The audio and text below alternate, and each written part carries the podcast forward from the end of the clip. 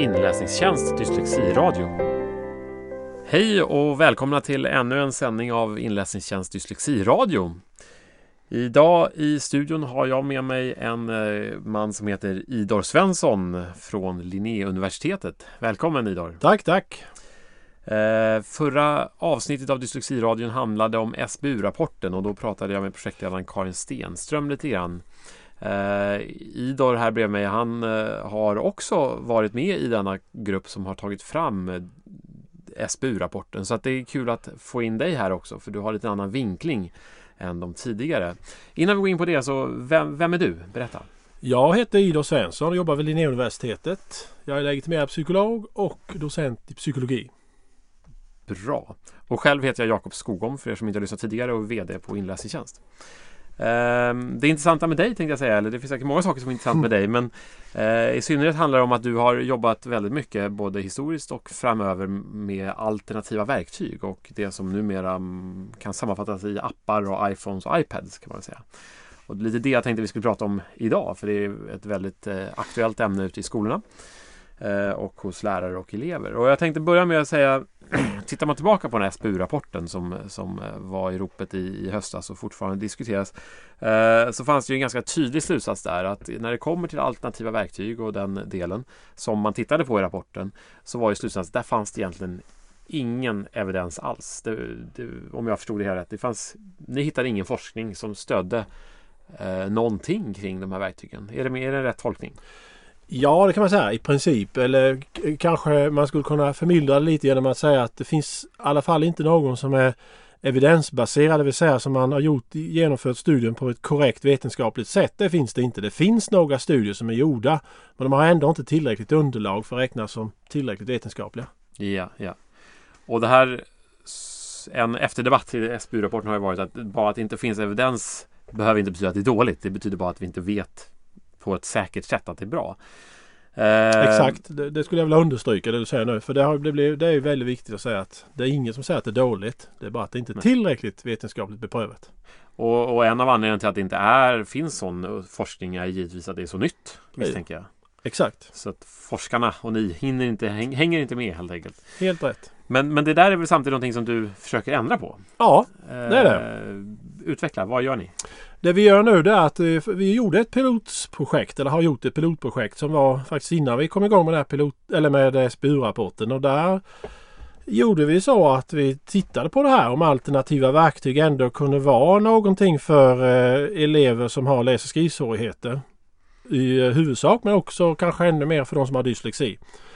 Och det vi kom fram till i pilotstudien var att ja, där fanns tydliga tecken som visade på detta. Men det var ändå inte en tillräckligt eh, bra vetenskapligt genomfört så därför så måste vi göra det på ett bättre sätt och då sökte vi medel för detta och fick. Och just nu så håller vi på att genomföra den här studien princip, alltså kan man säga i princip eh, totalt efter de eh, eh kriterier som SBU har satt upp för hur man gör en vetenskaplig studie. Det vill säga det ska vara slumpmässigt, det ska finnas kontroll och försökgrupp. Ja. Och, är det viktigaste. När den här studien då är klar så, så kanske vi har då en, den första studien som eh, faktiskt är vet, vetenskaplig grund och som visar på någonting. Eh, exakt vad vet vi förstås inte men förhoppningsvis på att, att de här verktygen hjälper eleverna. Kan, kan du utveckla lite grann hur, um, vad är det ni har undersökt med exakt? Vad är det så att säga man Vad är det för ingångsvärden, typ av appar ni tittar mm. på och vad är det för resultat ni försöker mäta? Mm. Det vi försöker att titta på det här är ju, är ju helt enkelt om, om de här eleverna som har svårigheter med att läsa och skriva.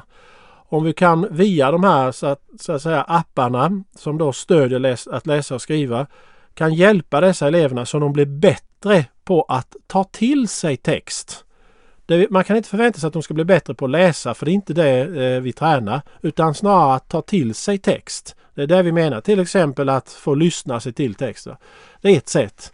Och de förväntade resultaten här är ju att de ska bli just bättre på att eh, ta till sig text, tycka det är roligare att lyssna på text och på så vis kunna följa skolarbetet på ett bättre sätt.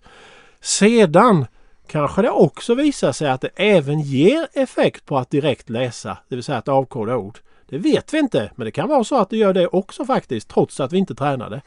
Och, och, och avbryter det här. Mm. Den, första delen att ta till sig text, det handlar alltså om att med hjälp av hjälpmedlet ta till sig Exakt, text. Där- precis. det- Mm. Och där det- finns det då olika appar som man gör det med. Just det. Men den andra delen av frågeställningen som du kanske hittar samband kring. Mm. Det handlar ju kanske då om att, att de faktiskt blir bättre på att läsa. Också. Även utan hjälpmedlet. Mm.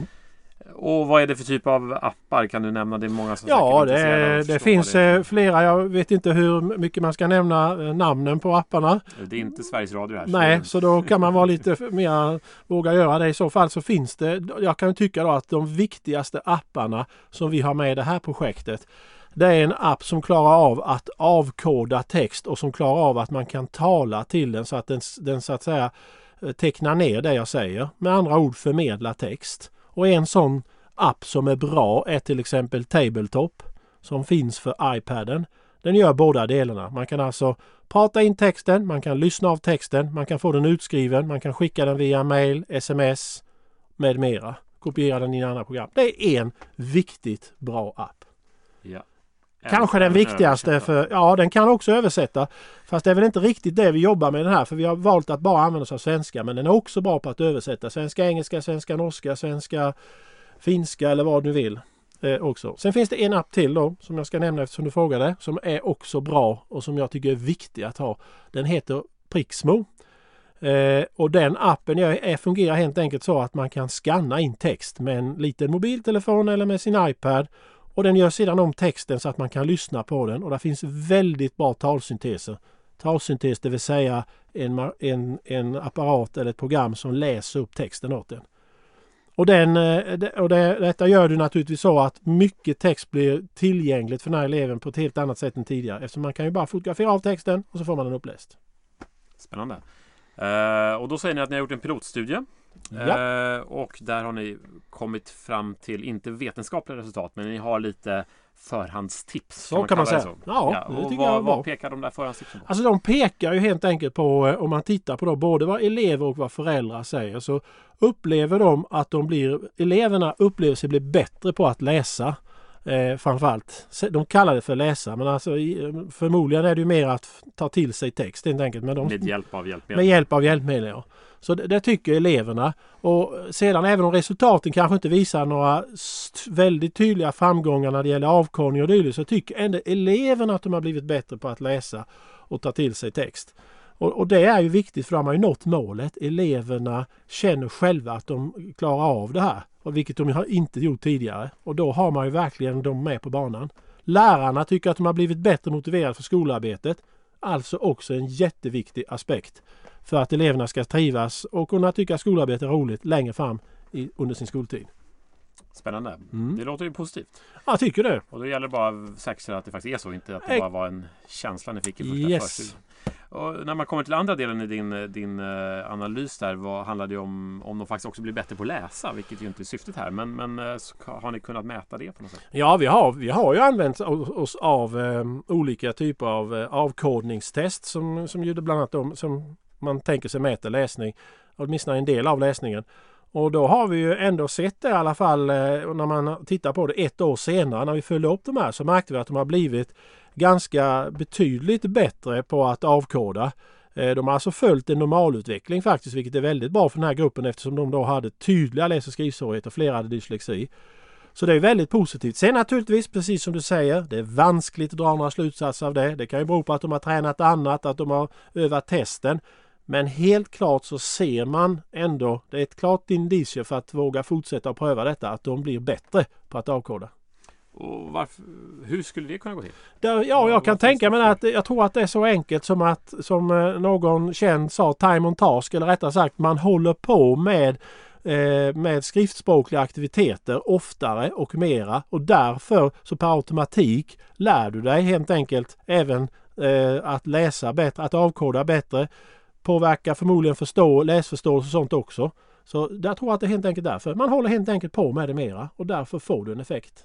Det här är ju väldigt intressant för det, det ju, finns ju även idag eh, förutfattade meningar om att de här hjälpmedlen hindrar läsutveckling. Så Mm. att säga. Men det här skulle ju tyda på precis motsatsen. Ja, faktiskt. Men Det- som sagt var, vi behöver ju beforska det mer, utforska det mer. Men helt klart, det, det, det är ju därför vi gick vidare och ville fortsätta med den här studien. Men jag kan säga så här att i den studien som vi har nu, nu i den så att säga riktiga studien som vi kör nu. Där har vi också med många program som mäter läsning och skrivning i ett bredare perspektiv. Man kallar det ibland för literacy. Vilket innebär att man inte bara tittar på avkoda och läsförståelse utan också runt omkring hur mycket man använder så att säga talade språket, texter med mera i hemmet runt omkring och så här också. Så det, det tittar vi också ganska mycket med. Vi kommer att intervjua lärare och elever så vi gör en liten bredare utforskning den här gången. Mm. Det är väldigt spännande och det är lite vanskligt att dra slutsatser om någonting som inte är vetenskapligt än. Mm. Så det ska vi inte göra. Men och vad har ni för tidsperspektiv på det här projektet ni har rullat igång nu? Då? Mm. Tidsperspektivet är så här att vi började med de första interventionerna, alltså åtgärderna. Det gjorde vi i eh, september 2014. Vi beräknar att vi ska vara klara med alla insam med insamlat av data eh, i princip i slutet på eh, slutet av 2016. Så det innebär ju eh, att vi skulle kunna ha någon rapport presenterad ungefär eh, ja, 2017, slutet 16, 20, början 2017. Mm. Så det tar lite tid men det är många vi ska samla in. Ja, ja hur stor är en sån här studie då? Ja det handlar ju om totalt sett en 230 elever. Okay. Och så då eftersom det är så mycket med åtgärder som ska göras så tar det väldigt lång tid. Ja, ja. Och då är det också en kontrollgrupp med? Alltså. Jajamensan. Utöver de 230, är det 230 till? Nej, nej, då har vi gjort det delat. Så tänk att vi har ungefär 115-120 av varje. Kan man ja. någonstans, eller ja, 110 blir det ungefär där. Det, man får räkna med, vi har tagit lite mer än vad man ska för man får räkna med att det blir en del avhopp och så. Det är alltid så. Va? så att, ja. Ja. Spännande. Hur, eh, du, du sa någonting om det här generella förbättringen som, som kan uppstå när, när de får jobba med de här verktygen. Hur är det med självbilden? Det är ofta en, en viktig del för de här eleverna. Mm. Eh, vad, vad, har du, jag vet inte om det ingår i den här studien direkt, men har ni har du några insikter där hur, hur, det kan påverkas? Ja, alltså eftersom vi då i pilotstudien eh, gjorde en också utan någon kontrollgrupp men i alla fall en, en mätning av eh, just självbild och hur de mår kan man säga. Och, alltså också sådana skador som hur de psykiskt mående hade vi med och tittade på. Det är en doktorand vid Linnéuniversitetet som framförallt gör detta som heter Emma Lindeblad. Och eh, det hon kom fram till var ju helt enkelt detta att eh, det visar sig att de eleverna som var med i den här gruppen då, alltså som i pilotprojektet nu, som hade tydliga läs och skrivsvårigheter och många med dyslexi, uppvisade faktiskt inte en lägre självbild eller psykiskt mående än en normalgrupp som man då har. I, det finns alltid en normalgrupp i testen så har man alltid en normgrupp. Man hittade inga skillnader. Och den spaningen som vi då gjorde, vi kan inte det behövs mer forskning, det gör vi i det nya projektet nu med kontrollgrupp och så, så kunde vi konstatera att det har trenden verkar ha vänt lite. Det verkar som om skolorna nu har helt enkelt tar till sig det här med dyslexi på ett bättre sätt. Kan alltså hantera det bättre som gör att eleverna inte mår riktigt lika eh, behöver inte falla i självbild på samma sätt som man kanske gjorde för 10-15 år sedan. Och det är i så fall, om detta nu är korrekt, en väldigt positivt. Och det är faktiskt Ja, då kan man fundera på vad orsaken är där. Är det, är det tekniken som var del av projektet? Men det kan ju lika mycket vara bemötandet. Från, alltså jag skulle lärare. vilja hävda att, alltså om jag nu får säga vad jag tror. Nu tror jag här. Så här tror jag att det handlar om bemötandet. Jag tror att lärare och skolor har blivit bättre på att bemöta elever med dyslexi. Det är mm. min spaning. Mm. Vi gör nu om det här med kontrollgrupp och betydligt mer omfattande i den studien. Så det kommer också att presenteras då 2016-2017. Mm. Se där. Ja, så om två år har vi svaret helt enkelt. Ja, eh, det kan vi hoppas. Eh, det Eller tror fler jag. frågeställningar. Vi har fler, det, kan... det kan vara så. Det blir säkert en del svar men förmodligen fler frågeställningar. Så ja, brukar det vara. Intressant, intressant. Ehm, jag vet också att du letar lite löst efter eh, folk som kan hjälpa till i den här kontrollgruppen, den här mm. studien. Är det någonting du vill ja, förmedla här? Ja, det skulle jag kunna göra. För är man intresserad av att delta i det här projektet. Det finns en del villkor med att göra detta men det kan man få veta av mig. Så får man gärna höra av sig till mig och man kan mejla mig på idor.svensson.lnu.se idor.svensson.lnu.se Så får man gärna göra det. För att eh, framförallt här i Stockholmstrakten skulle vi vara intresserade av att folk, eller om lärare kan vara med. Ja, och då behöver man alltså lärare som har elever som har de här svårigheterna. Ja. Det är en förutsättning. De ska ha eh, den här typen av eh, eh svårigheter. Alltså det vill säga främst att eh, avkoda ord och fonologiska svårigheter med som det heter. Men det är bara att höra av sig till mig så berättar jag mer om det i så fall. Ja. Spännande. Um, innan vi avslutar här tänkte jag bara, du har ju varit med ganska länge i den här Ja. branschen om man så kallar den och framförallt när det kommer till alternativa verktyg och teknik. Eh, Har du några avslutande reflektioner kring hur, hur, hur utvecklingen har sett ut och ser ur eh, Mm. utifrån ett historiskt perspektiv? Jo, det är ett historiskt perspektiv. Det är ganska intressant för precis som du säger så har jag väl hållit på med det. här. Jag tror att det är rätt så precis 20 år nu faktiskt. Så jag undervisade ganska mycket på dåvarande Växjö eh, högskola och senare Växjö universitet och Linnéuniversitetet. Just om de här sakerna och i början så kan man säga så här att alla de med, med, eh, metoder och program som finns idag som, är, som vi använder fanns redan då men de var betydligt sämre. De var inte alls utvecklade på det sättet som de är idag. Så man kan säga att på den tiden så, så, eh, så var det mer så att jag fick stå och prata om de sakerna, hur bra de var. Fast de funkade inte alltid så bra eller till och med direkt dåligt ibland. Så jag brukar ibland använda en liten historia kring, eller berätta om ormtjusaren i Kivik. Han eh, hade ormar som han skulle visa när han kom till Kivik. Det var att han hade glömt ormarna. Så då fick han stå och berätta om ormarna istället för, för att visa dem. Och så fick jag oftast göra. Jag fick stå och prata om det men det fungerade sällan. Tyvärr. Så det, Fungerade, fungerade inte ens när du skulle, pra- när du skulle Nej, visa det? inte ens när En- fungerade. Nej, därför att det var så det var för osäkert, det var för dåligt. Och det är klart att det fungerar naturligtvis inte för elever som har dyslexi. Det går inte, det måste funka direkt. Mm. Och det kan man säga att idag är det så Programmen fanns redan då. Skillnaden är att de är mycket bättre idag. Och en annan väsentlig skillnad också. De är mycket mer tillgängliga för man kan till och med ha dem i sin lilla el- telefon. Och det innebär att du kan ha det var du än är någonstans. Ja, framtiden ser ljus ut får vi väl sammanfatta det som. Och om två, tre år vet vi hur ljus den är också. Absolut.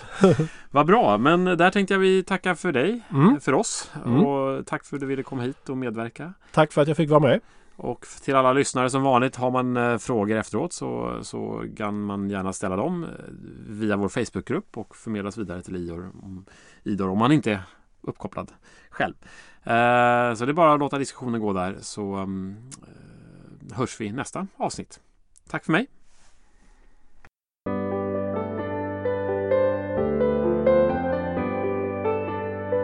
Inläsningstjänst Dyslexiradio